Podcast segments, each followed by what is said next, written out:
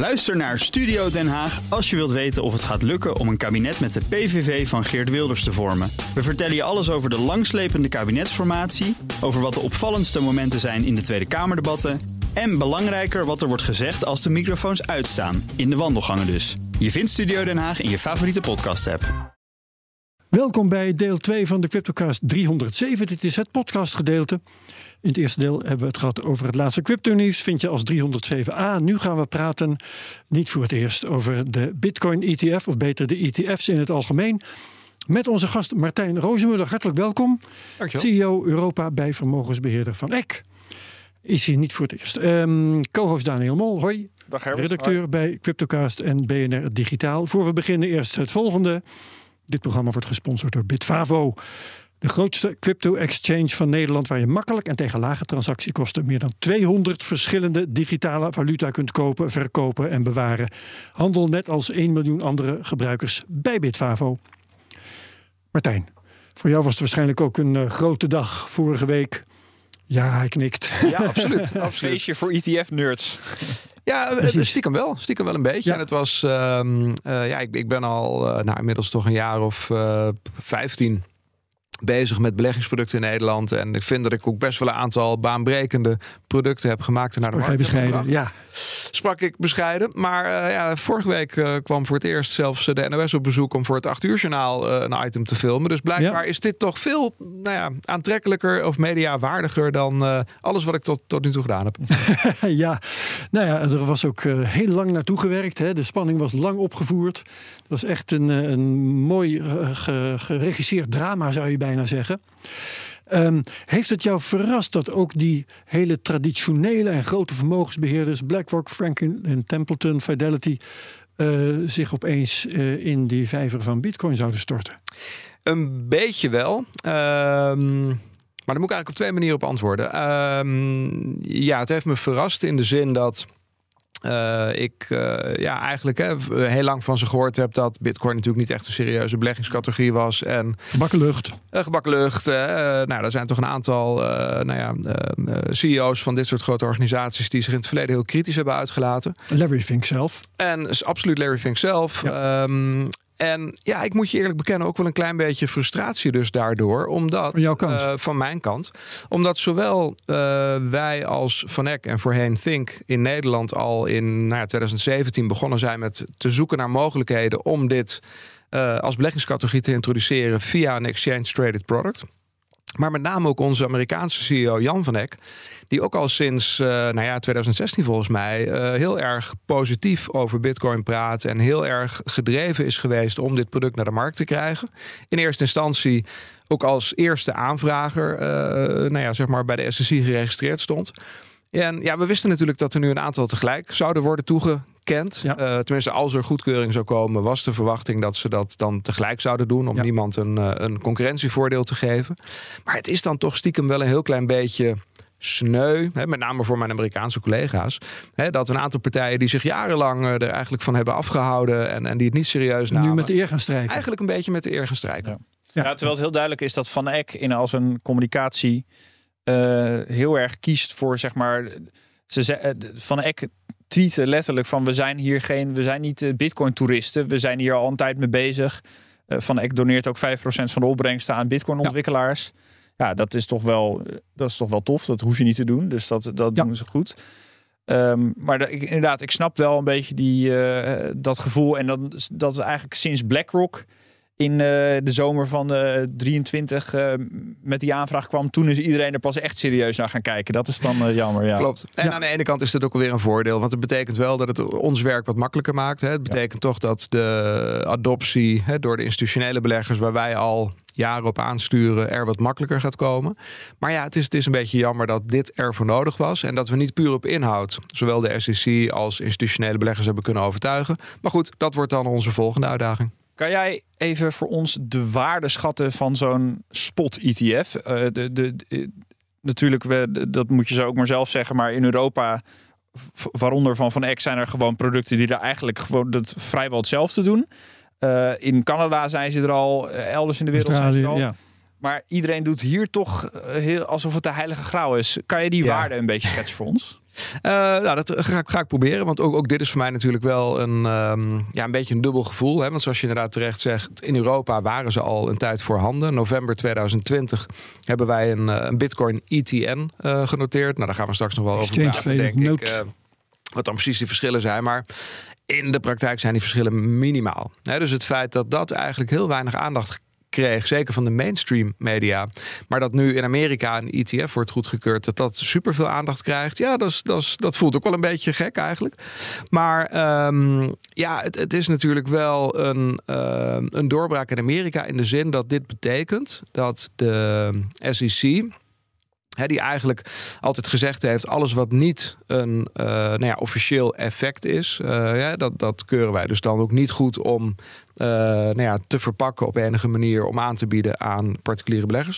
Het feit dat ze daar nu toch overstag zijn gegaan, ja, dat zegt wel veel. Hè. Het was natuurlijk een hele marginale uh, overwinning, 3 tegen 2. Uh, ja. Uiteindelijk Larry Gensler zelf die de doorslaggevende stem uitbracht. En, en hij zei zelf in, in, in, in zijn eigen woorden iets dat het um, nou ja, hè, met, met, met gezonde tegenzin, ja. dat hij toch akkoord de rechter gedwongen. Wij keuren Bitcoin zelf niet goed. Exact. Hij maakte daar wel heel duidelijk een, een punt. Um, ja, ik, ik vind dat interessant. Ik denk dat uh, je eigenlijk een vergelijking kan trekken die vaker getrokken is met goud. He, goud is ja, als beleggingsklasse ook nog niet zo heel lang populair. Enkele decennia, maar goed, op het grotere geheel van dingen valt het mee. En overigens, uh, ja, toch wel leuk om te benoemen, vind ik dat ook Van Eck destijds in de jaren 50, jaren 60 van de vorige eeuw een van de voorvechters was, of eigenlijk de eerste die met een product op de markt kwam dat beleggers uh, nou ja, blootstelling gaf aan goud als beleggingsklasse. Mm je mocht heel lang daarvoor, mocht je eigenlijk niet eens beleggen in goud. Um, dus nou ja, goed, ook hier wil, wil Van Eck daar dan uh, nu de, de, met het digitale goud, met de bitcoin de voorloper zijn. Um, en ja, dat uh, nou ja, lukt op zich wel aardig. Ja. Maar het blijft wel uh, nou ja, af en toe een beetje uh, trekken aan bepaalde mensen om ze ervan overtuigd te krijgen. Wat, wat misschien een verklaring is waarom die ETF, de spot-ETF, de heilige graal. als heilige graal wordt gezien. Dat is, het is het eerste wat geprobeerd is. Hè? In 2013, de broertjes Winkelvos, die hebben een spot-ETF willen maken en niet een futures-ETF en niet een ETN. Kortom, dit wat oorspronkelijk geprobeerd is, dat, en wat al die tijd is tegengehouden, dat mocht nu eigenlijk. Dat ja. is toch ook wel een mijlpaal. Absoluut, absoluut. En het heeft mij overigens destijds verbaasd dat uh, de SEC wel akkoord ging met een futures-based uh, ja. product. Hebben ze natuurlijk spijt van als haar op hun hoofd nu. Exact. en hoe de rechter zich uiteindelijk daar ook over heeft uitgesproken. Ja verbaast mij absoluut niet. Want het is ook de enige logische conclusie die je kan trekken.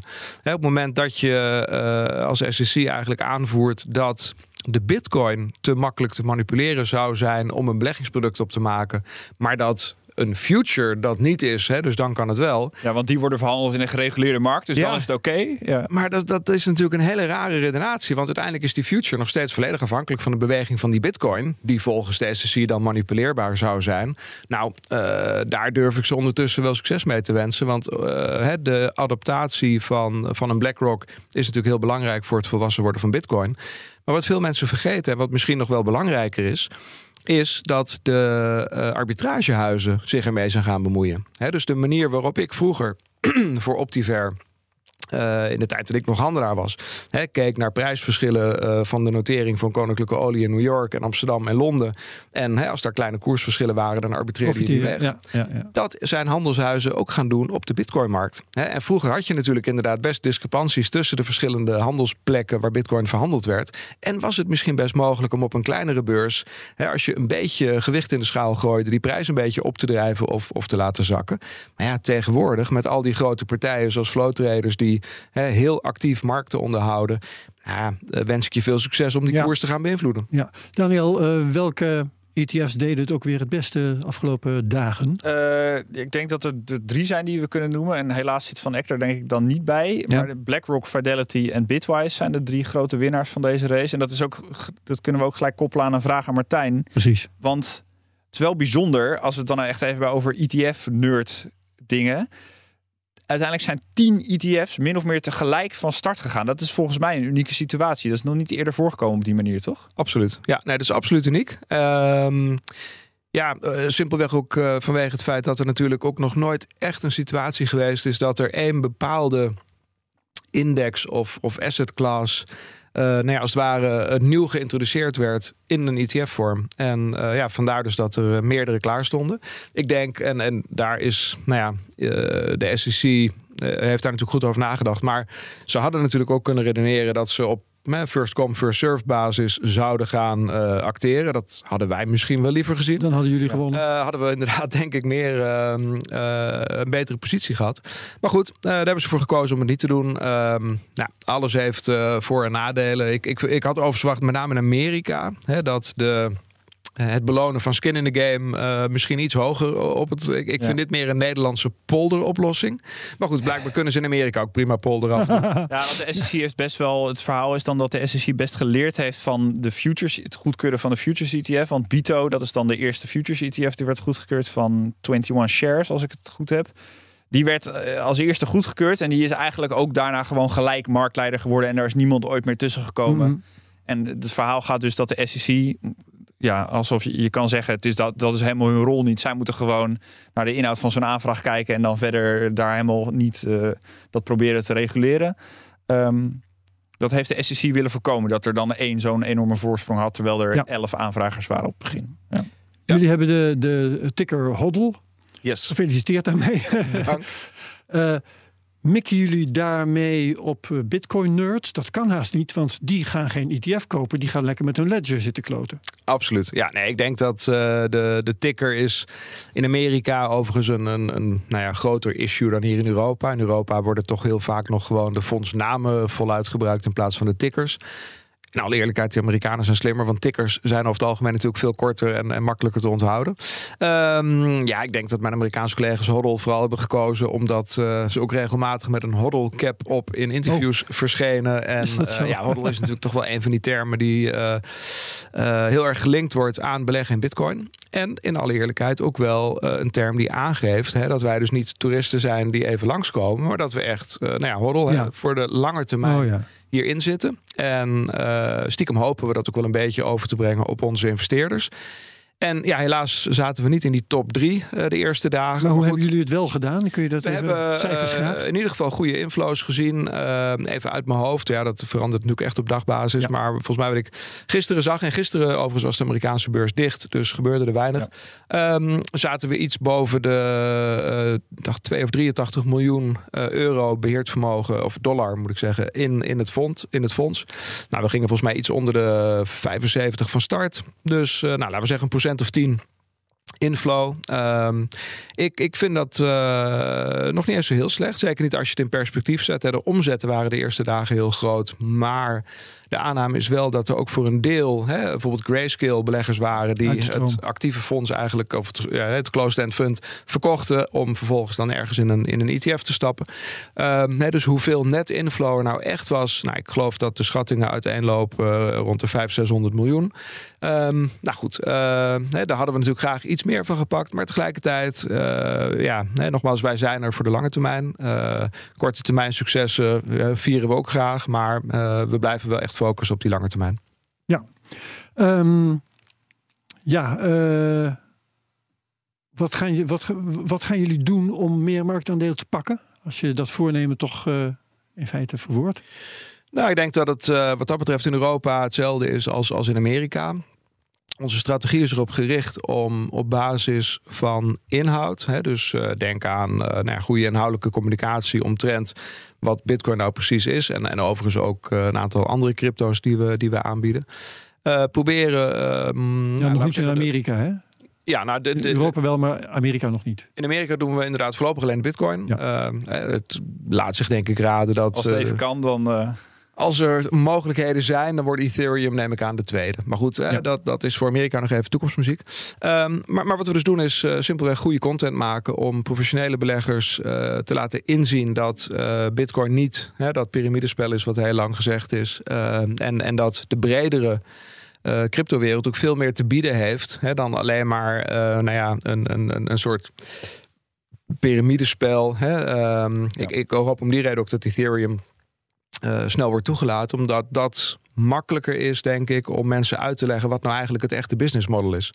Ik merk in Europa in ieder geval dat als we een professionele belegger over Ethereum kunnen vertellen of, of Solana. Hè, en, we kunnen uitleggen hoe dat zeg maar een platform is waar dingen op gebouwd worden. En, en dat daar dan een verdienmodel achter zit. Omdat mensen die zo'n app gebruiken uh, daarvoor betalen. En, en dat die coins eigenlijk daar met name voor bedoeld zijn. Dat geeft vaak een soort aha-erlevenis. En uh, ik vergelijk het wel eens een beetje met hoe het businessmodel van de eerste internetbedrijven voor heel veel mensen ook een raadsel was. hoe ga je naar hemelsnaam geld verdienen met een website?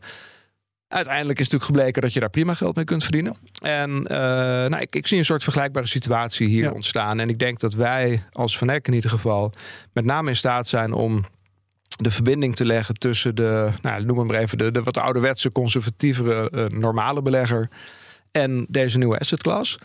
Ik denk inderdaad niet dat wij, uh, zoals je net terecht zei, uh, nou ja, zeg maar de, de crypto natives gaan overtuigen. Want ja, die hebben al manier om in deze asset class te beleggen. Stiekem hoop ik overigens wel dat we onder andere door HODL en, en de bekendheid die we daarmee creëren, misschien een deel van die mensen wel gaan overtuigen om naast Bitcoin of eventueel andere crypto's, misschien ook een stukje in normale aandelen, ik noem maar iets geks, te beleggen. Omdat zeker als je rijk geworden bent met, uh, met crypto, het misschien helemaal geen gek idee is om wat te spreiden en een deel van je vermogen ook gewoon in normale bedrijven te beleggen. Of misschien zelfs wel hoe obligaties. Ja. ja. dat is wel heel saai, maar uh, uh, nou, op zich uh, zie je het van Eck natuurlijk. En ik bedoel, ook door de 5% van de opbrengsten te doneren, laten ze wel echt zien, oké, we nemen Bitcoin in ieder geval serieus als, en het is niet een soort van snelle money grab toch is het wel heel lastig om er nog tussen te komen bij, in zo'n ETF-race. Ik neem, ik neem als voorbeeld, als historisch voorbeeld, maar de lancering van GLD. Dat is de, eerste goud-ETF in Amerika 2004. Die is nog altijd, volgens mij, met afstand de grootste. Maar ook uh, met afstand inmiddels de duurste. Volgens mij rekenen die 40 basispunten aan kosten. En goedkoopst is ook volgens mij BlackRock met 17. Nou, dat zou jij ongetwijfeld weten. Um, maar omdat zij zo'n zo'n netwerkeffect hebben en het toch het meest liquide zijn, willen, eh, zitten daar het meeste mensen in en wordt daar het meeste geld verdiend. Blijkt toch maar dat het heel lastig is om, als je zo'n toch een achterstand hebt, wat Van Eck nu toch een beetje heeft op die Amerikaanse markt, dat het heel lastig is. Ja, mensen kiezen dan toch sneller voor, ik noem maar wat, Bitwise, om, om, om eh, in een Bitcoin ETF De grootste, de bekendste, ja. de goedkoopste. Ja. Nou, dat is absoluut waar. En je ziet het ook op andere gebieden. Hè. Wij zijn bijvoorbeeld in Amerika wel met afstand de grootste als het gaat om GDX, GDXJ, de goldminer ETF's. Hè. Daar heeft Vanek destijds echt zijn naam mee gemaakt. Nou, daar, daar zit uh, ruim 20 miljard in. En ja, dat is ook al nou ja, uh, langer dan 10 jaar het geval. En, en daar heb je dan zeg maar, weer het voordeel van die, van die uh, nou ja, wet van de remmende voorsprong. Ja. Of hoe je dat precies zou willen omschrijven. Ja, winner takes most of zo. zoiets. En, maar het is inderdaad frappant dat zelfs als een product aantoonbaar beter is dat het soms heel lang duurt voordat je inloopt. Nee, ik, heb zelf in Nederland uh, ooit uh, nou ja, mijn claim to fame gemaakt met Think ETF's. En een AX-ETF op de markt gebracht die duidelijk beter is dan hè, wat er toen op de markt was. Nou, twee van de drie buitenlandse aanbieders die toen op de markt waren, zijn inmiddels ook verdwenen. Uh, en nu, bijna 15 jaar later, kan je het verschil ook heel duidelijk zien met de enige andere overgebleven Amerikaanse Bitcoin of uh, AX-ETF. Ja. Uh, maar als je in Bloomberg gaat kijken, dan zie je dus gewoon dat we echt het veel beter doen. En toch uh, hebben wij een derde marktaandeel en die andere partij twee derde, simpelweg omdat ze eerder waren. Maar het is ja, toch een hele vreemde situatie dat als het om financiële producten gaat, dat die ja, een in, in, in, inertie heet het, hè? Ja, traagheid. traagheid uh, dat die zo sterk is. Mensen die ja, kopen makkelijker een nieuwe breedbeeld tv dan dat ze financieel product wisselen, lijkt het. Ja, ja, ja. ja. Um, jullie hebben, daar waren jullie volgens mij wel vrij vroeg in, de exchange traded products in Europa als het om crypto ja. gaat. Um, hoe gaat het daarmee? Ja, eigenlijk heel goed. We zijn, uh, nou, ik heb natuurlijk sinds vorige week al die aantal of al die getallen weer even goed moeten bekijken, want uh, nou, je bent niet de eerste die het vraagt. Ja. Um, nou, we zitten nu in Europa ongeveer op 700 miljoen aan uh, beheerd vermogen in cryptoproducten. Moet ik even onderscheid maken. Hè. We hebben natuurlijk uh, Bitcoin, de, de Bitcoin ETN is de grootste. Hè. Daar zit ongeveer 320 miljoen in. Uh, Ethereum, Solana komt daar achteraan. Tron, nou, er komen nog een paar kleintjes. VTOP, hè, dat is een beetje het mandje. Ehm, En, heel interessant, uh, ook ongeveer 100 miljoen in uh, een ETF die bedrijven als Coinbase volgt. Hè? Dus een ETF gebaseerd op een index van aanbieders uh, die actief zijn in de cryptowereld. Crypto, kunnen miners zijn, kunnen, kunnen handelsplatforms zijn, kan van alles zijn. Maar die begint ook erg populair te worden. En dat is, dat is wel leuk om te zien. En ik denk, daar hebben we wel echt een, ja, zou je kunnen zeggen, een beetje dat, dat, dat first mover advantage. En die verschillen zijn ook minder groot in Europa.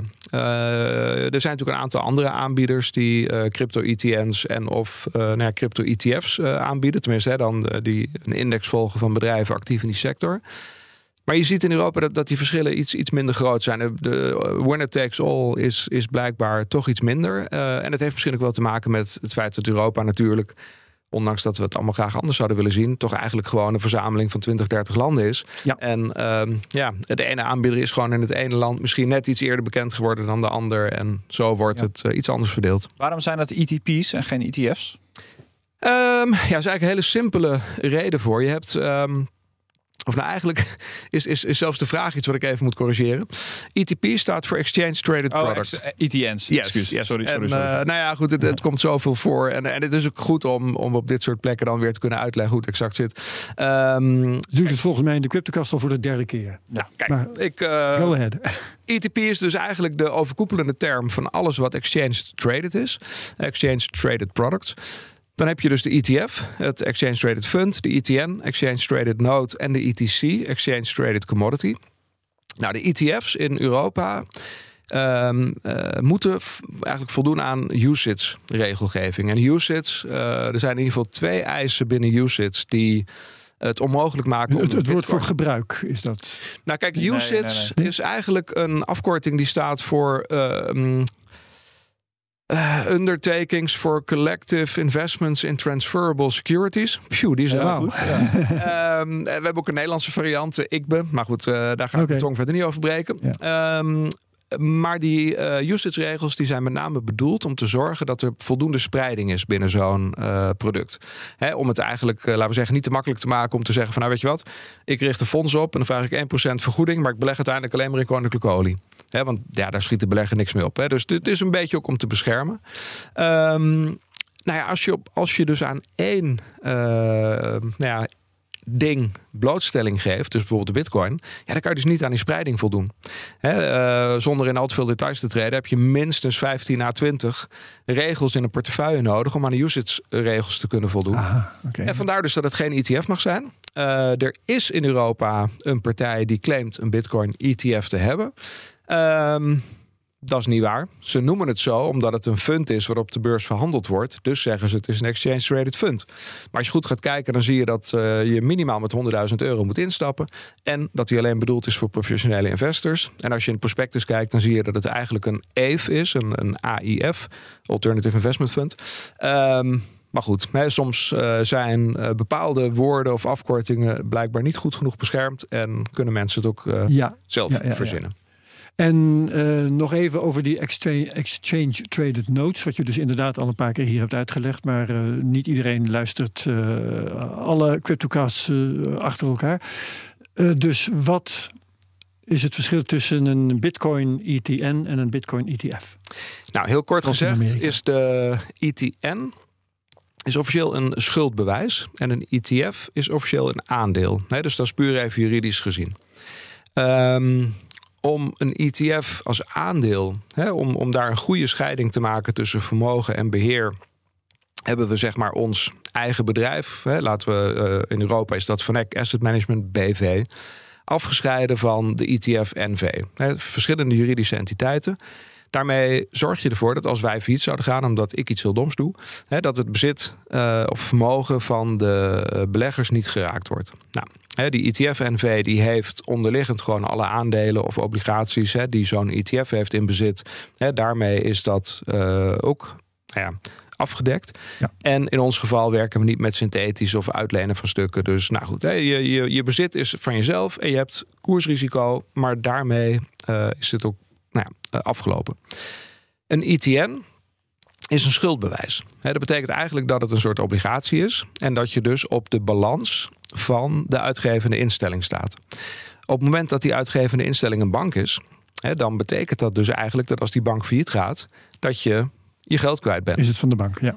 Uh, de manier waarop wij ETN's maken is dat we een ja, uitgevende instelling hebben opgericht om de ETN's te kunnen uitgeven. Die staat dus weer, uh, die staat dus weer naast ons als uh, nou ja, zeg maar beheermaatschappij.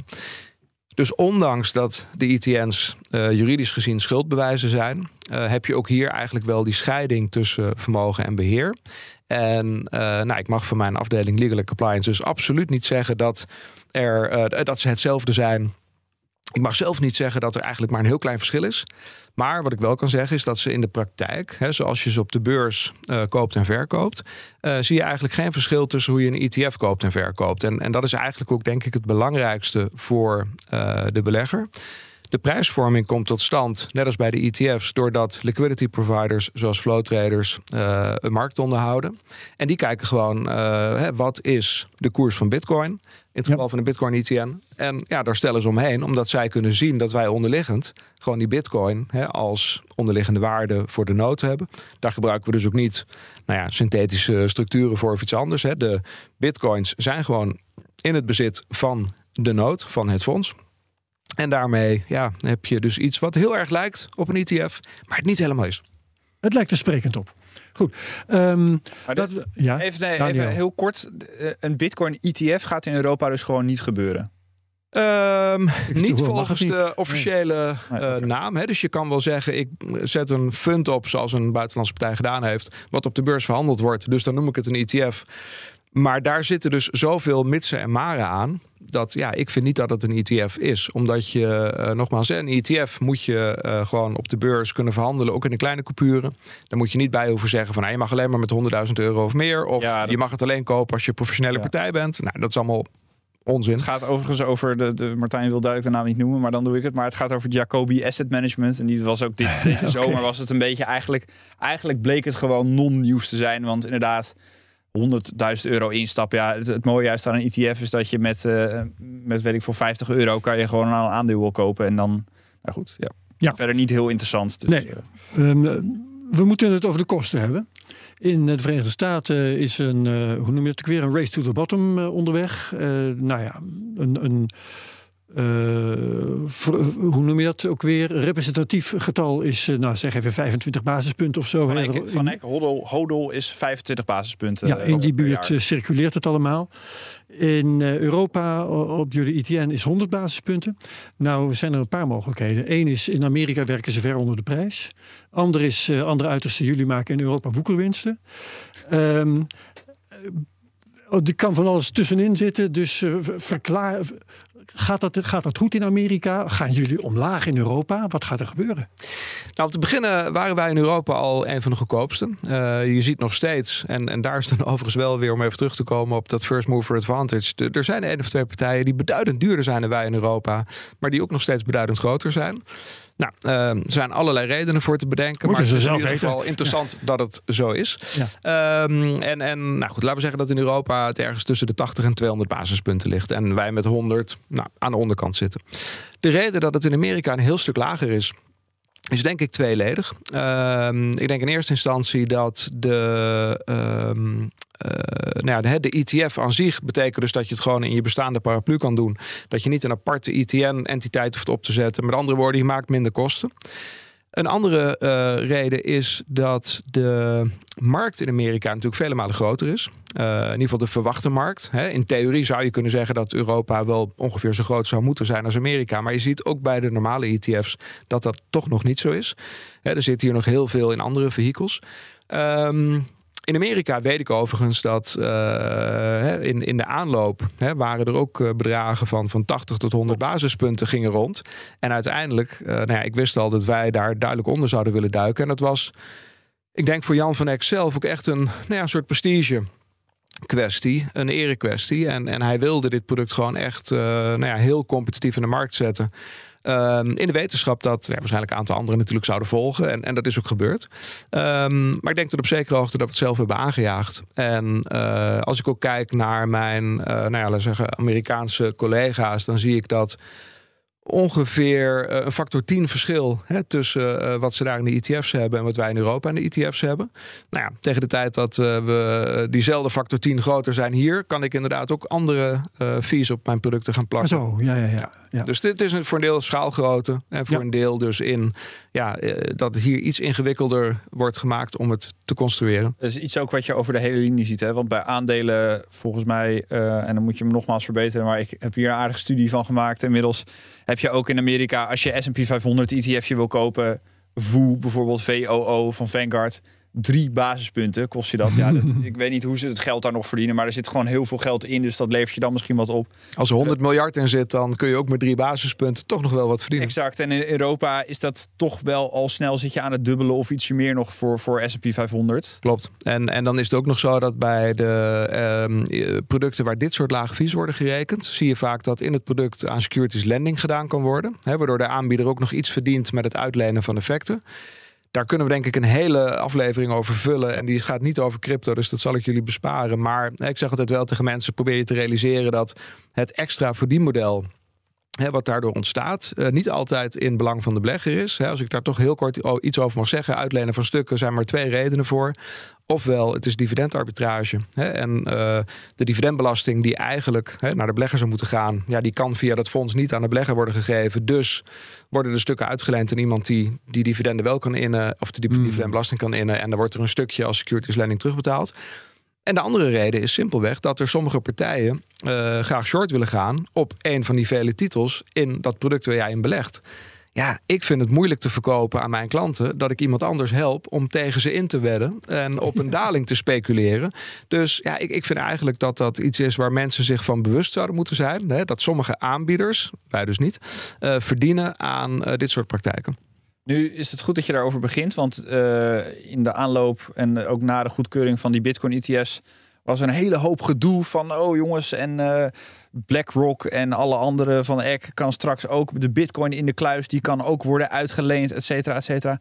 Kan jij uitleggen hoe dat werkt? Hoe is die constructie, zeg maar, in de ETF? Hoop niet dat ik je over vraag, maar um, zeg maar, gemaakt? Hoe, hoe zit dat tussen, tussen uh, vermogensbeheerder en custodian, et cetera? Nou, wat ik dan doe, is dan praat ik even vanuit de Europese ETF. Hè, omdat het eigenlijk, uh, nou ja, qua asset class uh, niet zo heel veel zou mogen uitmaken. Maar in alle eerlijkheid, omdat ik ook niet exact weet hoe dat in het Amerikaanse systeem... Dan zeg je Europese ETF, maar het waren ETN's toch Klopt. in Europa? Ja, maar ik praat nu eventjes vanuit een Europese ETF. Hè, dus doen we even alsof het niet over bitcoin gaat, maar over aandelen. Oké. Omdat ik ja, niet, niet precies weet hoe dit in Amerika uh, gaat qua uitlenen van, van bitcoins. Um, wat ik wel weet is dat als je dus, hè, laten we zeggen, een ETF hebt met daarin een asset. Um, ja, dan kan die asset worden uitgeleend. Dat, dat, uh, vroeger gebeurde dat misschien zelfs nog wel eens gewoon uh, naked short. Nou, dat gebeurt tegenwoordig niet meer. Dus er moet een onderpand voor terugkomen. Uh, dat onderpand uh, is vaak wat je noemt uh, overcapitalized. Dus hè, stel dat je 100 euro waarde had, hè, dan moet je misschien wel voor 120 euro onderpand hebben. Hè, dus um, ik wil die risico's zeker niet overdrijven, want er is heus wel goed nagedacht over die risico's. En dat het niet opeens zo kan zijn dat ja, het onderpand was uitgeleend, het kwam niet terug. Sorry, het fonds is nu nul waard. Dat wordt natuurlijk op, op, een, op een goede manier in de gaten gehouden. Maar ja, weet je, het onderpand uh, is over het algemeen ook een aandeel van obligatie of in cryptoland. En nogmaals, nu praat ik hardop of denk ik hardop, want ik weet niet exact hoe dat daar zou werken. Maar zou het, nou ja, misschien een, um, uh, ja, stablecoin kunnen zijn of, of, of een andere crypto. Maar goed, hè, die kunnen natuurlijk ook bewegen, hebben we gezien. Zelfs stablecoins, ondanks dat de naam anders doet vermoeden.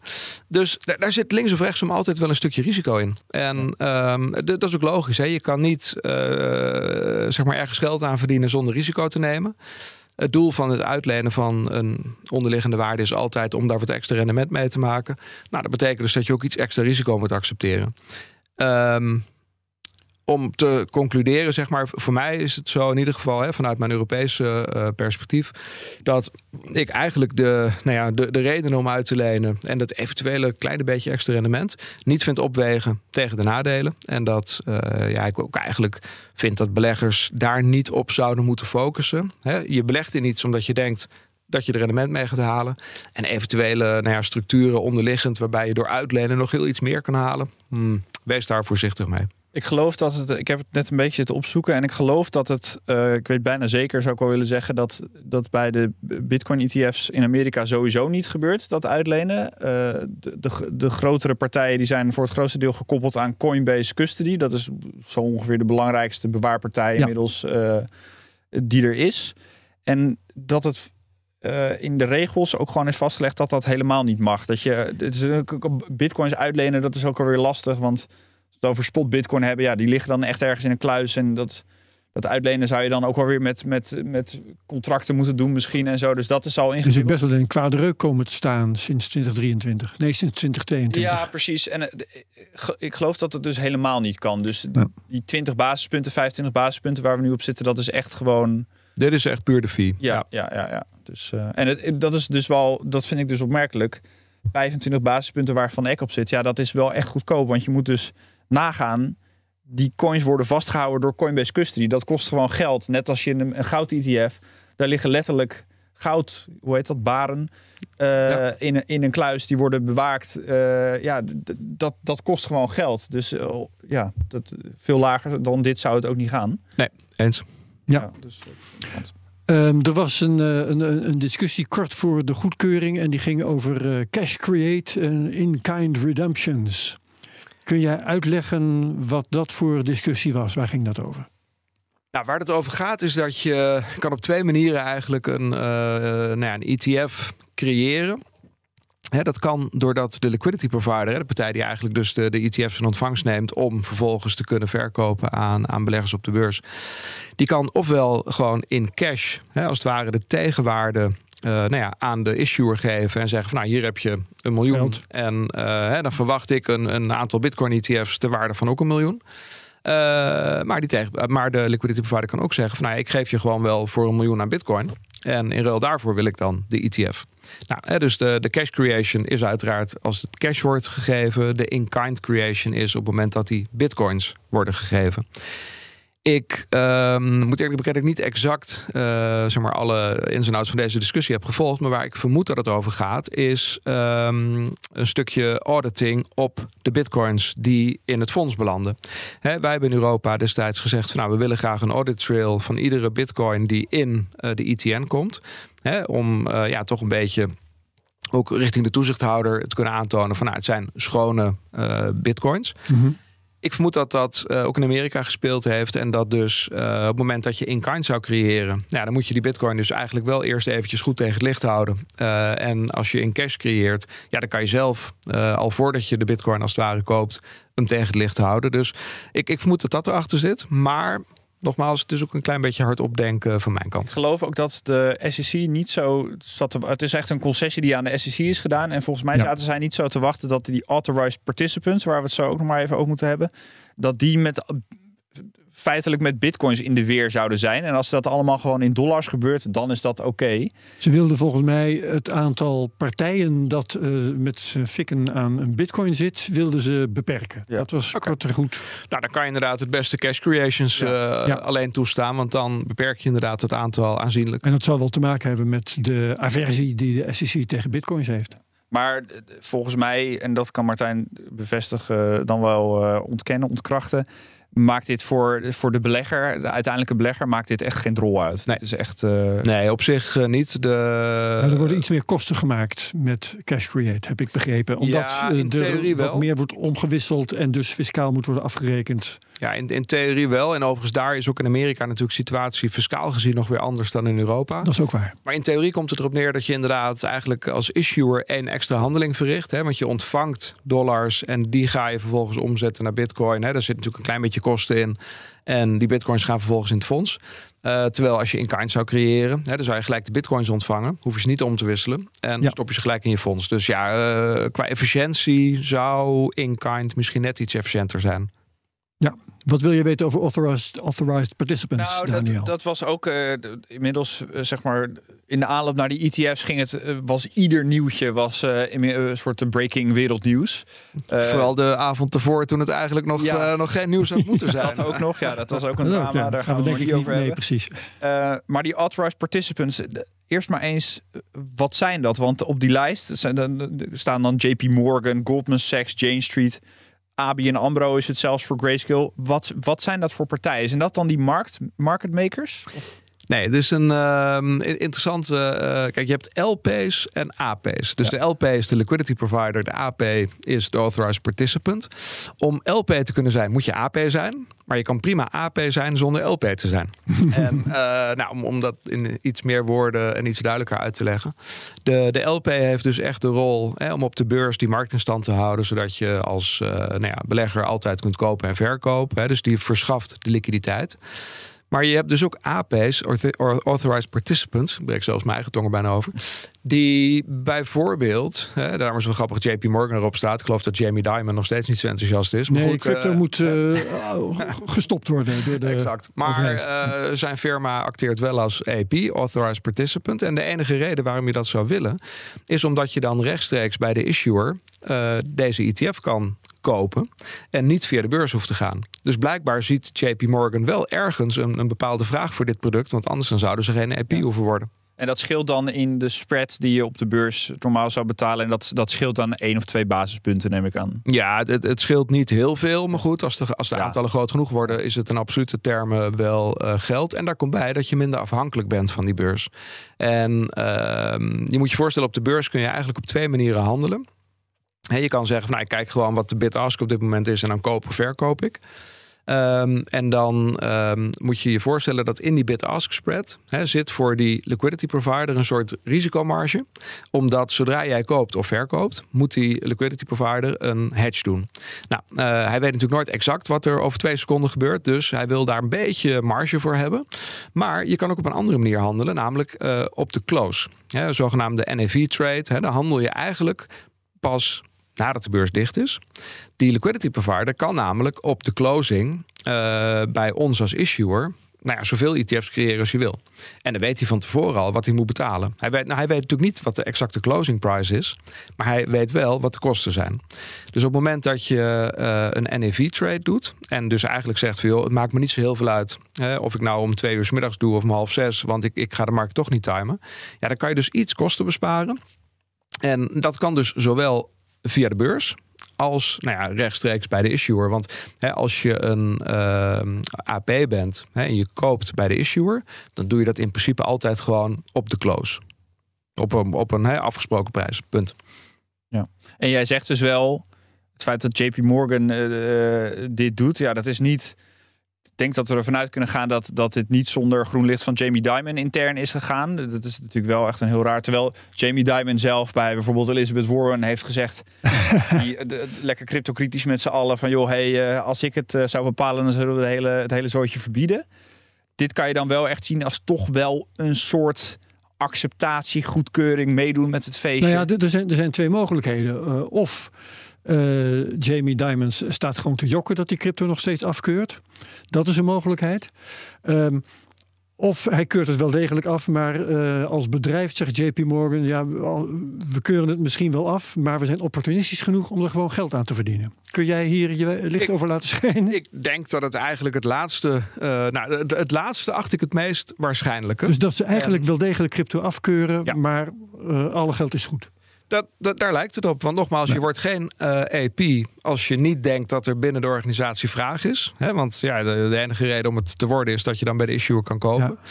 En overigens, dit, dit doet me ook een beetje denken aan uh, een, een, nou ja, een tweet die ik uh, van een Nederlandse tweeter voorbij zag komen. Een beetje aan mij gericht. Hè? Die opportunistische ETF-verkopers van Van Eck, die nu opeens ook op Bitcoin springen.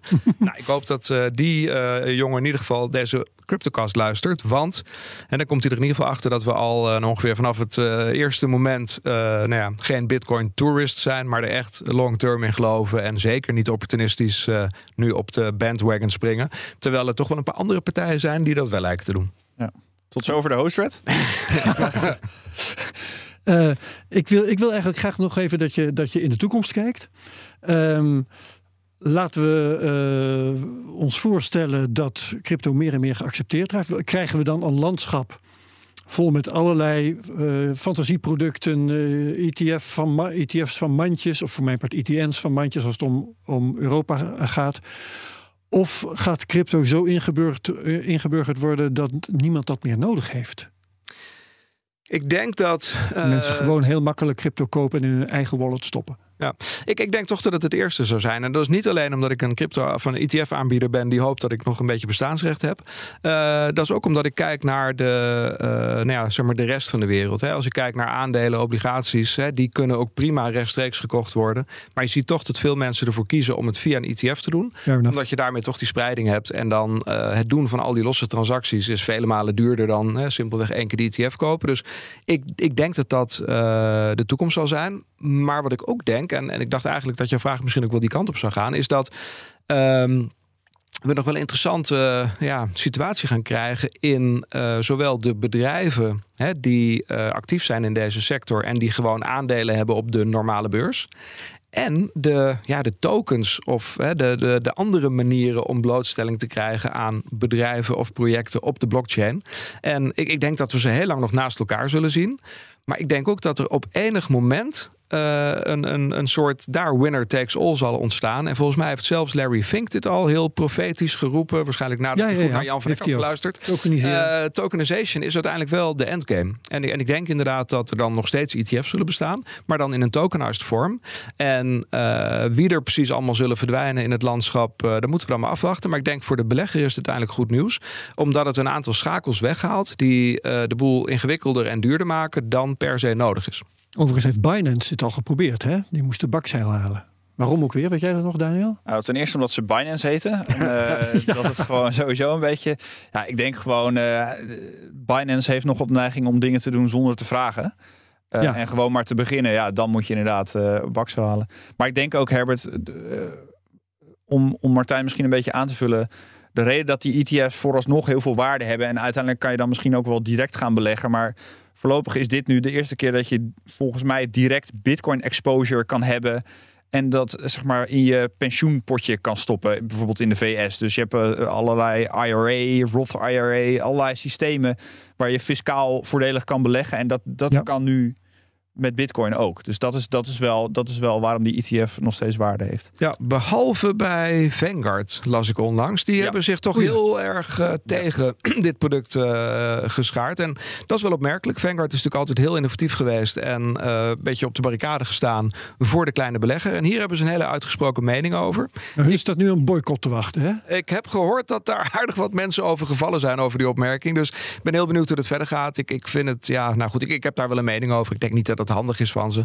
En ik denk ook, mits je mensen maar uh, voldoende guidance meegeeft en ook uitlegt dat je misschien niet je hele pensioen in zo'n Bitcoin ETF moet stoppen, hè, maar dat een klein stukje als onderdeel van een gespreide portefeuille best toegevoegde waarde kan hebben. Ja, ik denk dat het op die manier prima zou moeten kunnen. En ja, dan moet Vanguard nog maar eens een nachtje over slapen. Ja, het past niet in de filosofie. Uh, en op zich, dat, dat leggen ze wel uh, eerlijk uit. En daar hebben ze ook gelijk in. Volgens mij is Vanguard ook geen directe gold ETF. Dus ze hebben wel goudbedrijven die ze volgen, net als Wat van Eck. zijn ze consequent. Ja, en uh, Vanguard is gewoon uh, die, die, oprichter, meneer Bogle, dat is ook gewoon, die, die leeft niet meer, maar dat was echt een, ja, die had een soort idee bij, die heeft het indexfonds bedacht en die had een idee van, oké, okay, op deze manier moet je beleggen en op, in deze producten en ja, Bitcoin past daar gewoon niet in. Dus het is een beetje misschien. Um, ja, ik ben het woord even kwijt, maar dat je gewoon een beetje bepaalt voor, je, voor je kinderen wat ze wel en niet mogen zien. Zo voelt Paternalistisch. Het exact.